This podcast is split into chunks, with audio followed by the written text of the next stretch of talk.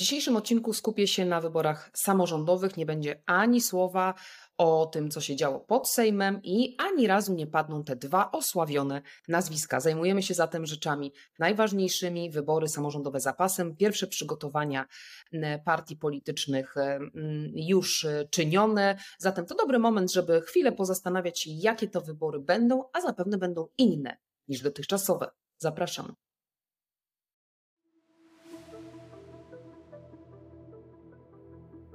Witam Was w krótszej formule mojego podcastu. Brief 460 to około 10-minutowe odcinki, w których wybieram dla Was najważniejsze polityczne wydarzenie tygodnia i omawiam jego krótko oraz długoterminowe konsekwencje. Partie polityczne od kilku tygodni intensywnie przygotowują się do tej wyborczej wiosny. W tym tygodniu jednak zaczęły się pojawiać pewne informacje o kandydaturach na burmistrzów, na prezydentów. Pojawiają się pierwsze informacje dotyczące takiej, e, e, takiego stylu komunikacyjnego. Wiemy na przykład, że niektóre partie będą rezygnowały z oznaczania swoich kandydatów ewidentnym logotypem partyjnym. No więc to jest dobry moment, żeby sobie zadać pytanie, dlaczego te wybory będą inne niż wszystkie, bo że będą inne niż wszystkie, to jest raczej oczywiste. Zacznijmy od tego, co wiemy i jaka jest w ogóle specyfika wyborów samorządowych. Wiemy to z różnych badań, między innymi po ostatnich wyborach samorządowych takie badania przeprowadziła Fundacja Batorego i z nich wynika, że po pierwsze, my chętniej głosujemy w wyborach samorządowych, w wyborach lokalnych. Przyczyna bardzo prosta. Tam jest polityka, którą ludzie czują na własnej skórze codziennie, kiedy chodzą do pracy i odbierają dzieci z przedszkoli. Zatem to niesie za sobą pewne konsekwencje. Takie oto, że do tej pory w wyborach samorządowych, lokalnych, regionalnych głosowaliśmy bardziej na ludzi. Znaliśmy kogoś, wiedzieliśmy, czy jest aktywny, widywaliśmy go w sklepach, w dzielnicach, więc bardziej te wybory były personalne, zatem te takie mm, silne emblematy partyjne ogólnopolskie miały mniejsze znaczenie, choć oczywiście tam, gdzie w regionach danych poparcie dla danej dużej partii było znaczące, to oczywiście partie z tego, z tej wizualizacji korzystały. Zakładamy jednak, i takie są pierwsze symulacje, że w tych wyborach ta polityka centralna będzie miała ogromny wpływ, czyli te emocje, mówiąc krótko, które my od kilku tygodni obserwujemy na poziomie centralnym, one będą miały wpływ na to, co będzie się działo w samorządach i regionach. Zatem myślę, że to będzie bardzo mocno e, odczuwalne w tych wyborach. Ta wielka, centralna, ogólnopolska polityka będzie na poziomie lokalnym bardzo wyraźnie mm, odczuwalna. Przyczyna jest bardzo prosta.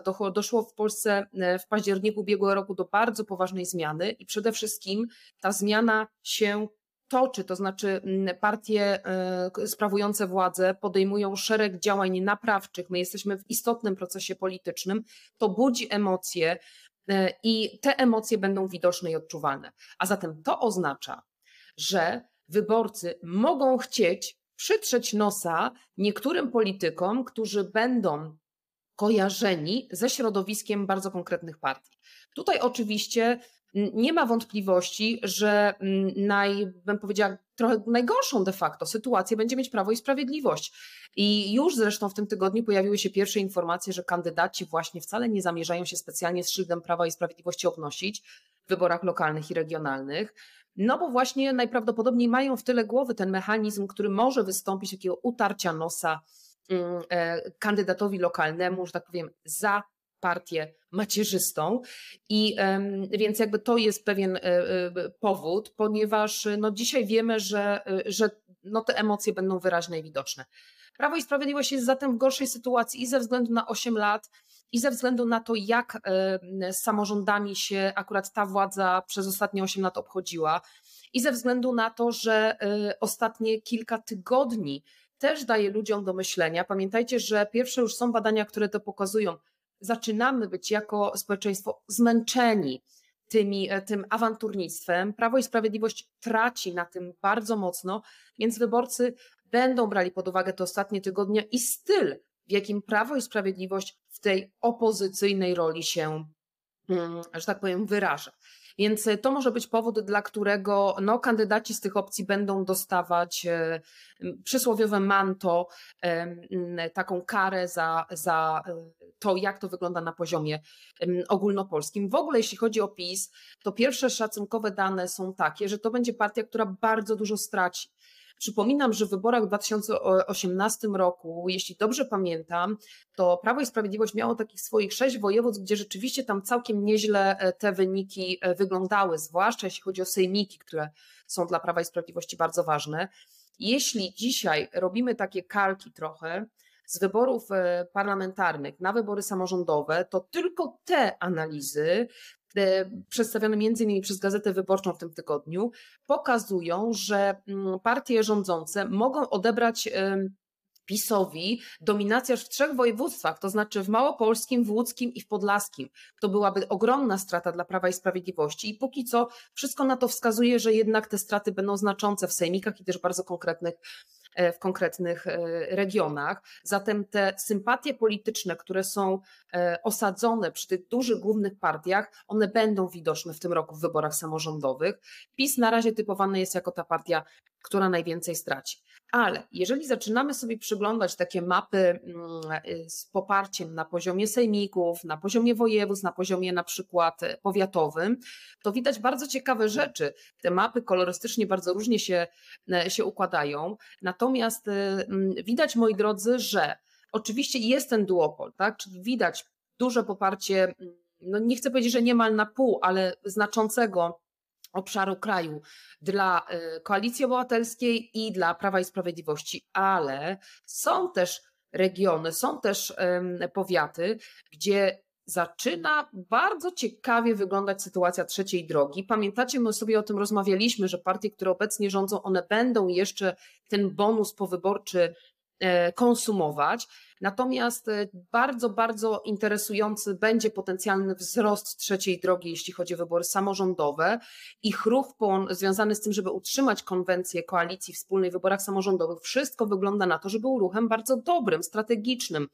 I e, to zadziała na korzyść i PSL-u, który pamiętajcie, zawsze był świetnie w regionach e, osadzone i te wybory samorządowe zwykle dla PSL-u były no takim naprawdę mm, mm, mało problematycznymi wyborami, bo oni świetnie działają w strukturach, w regionach, e, nie tylko struktury mają, ale również e, aktywnie z nich korzystają, bo to jednak robi różnicę. Za trzecia droga dzisiaj potrzebuje, trzecia droga, Polska 2050 potrzebuje tego osadzenia regionalnego, bo jest to jednak jeszcze e, partia nowa, a pamiętajcie, że w Polsce warunek jest taki, jeśli chcesz przetrwać dłużej w polityce, musisz mieć struktury i regiony sprawnie działające. Zatem tutaj wygląda na to, że trzecia droga, jeśli nie będzie przełamywać jeszcze tego duopolu, bo na razie aż tak dobrze to nie jest, to jednak wygląda na to, że to pod wieloma względami może być taka opcja, która mm, będzie, e, będzie wygrana w tym sensie nie e, liczby mandatów, ale wzmacniania swojej pozycji. Oczywiście dla trzeciej drogi długoterminowo takie wzmocnienie w samorządówce byłoby bardzo, bardzo ważnym e, takim no, bonusem. Zobaczymy, jak to będzie, jak to będzie wyglądało na ten moment. Wszystko wskazuje na to, że my oddamy te emocje polityczne w tych wyborach e, samorządowych. Na oczywiście te emocje, które wybory samorządowe wytworzą. Pamiętajcie, że będzie też kilka dużych pojedynków, Wrocław, Warszawa, Kraków na przykład. Więc to będą takie mocno też medialne, polityczne, polityczne e, rywalizacje.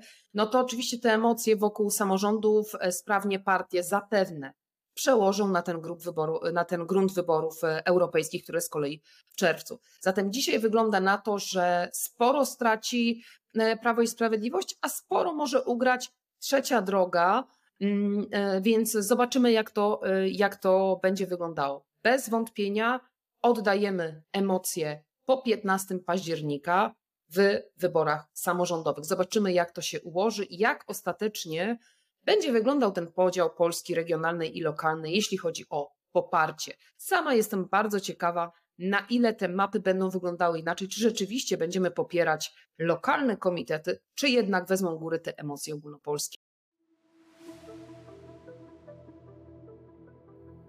Dziękuję, że byliście dzisiaj ze mną. Dzięki za Wasz czas. Niezmiennie dziękuję wszystkim moim patronom, którzy wspierają podcast na platformie patronite.pl. Szczególne podziękowania standardowo do Michała Szymanderskiego Pastryk kieruje, mm, Hemar Autobosch Serwis, wielkie dzięki i mm, Marcin Walkow. Również bardzo dziękuję. Dołączajcie do naszej społeczności na Patronite. Subskrybujcie, jeśli kanał Wam się podoba. Zachęcam Was również do obejrzenia rozmowy w podcast 460 z mecenasem Michałem Wawrykiewiczem. Jeśli jeszcze nie mieliście okazji wysłuchać, rozmowa jest już dostępna od środy. Bardzo, bardzo Was zachęcam. Zapraszam już dzisiaj. W następnym tygodniu będzie na Was czekał nowy odcinek Brief 460. Do usłyszenia. Widzimy się za tydzień. Ach, no i komentujcie, co myślicie o samorządówce, jak to będzie wyglądać. Do usłyszenia.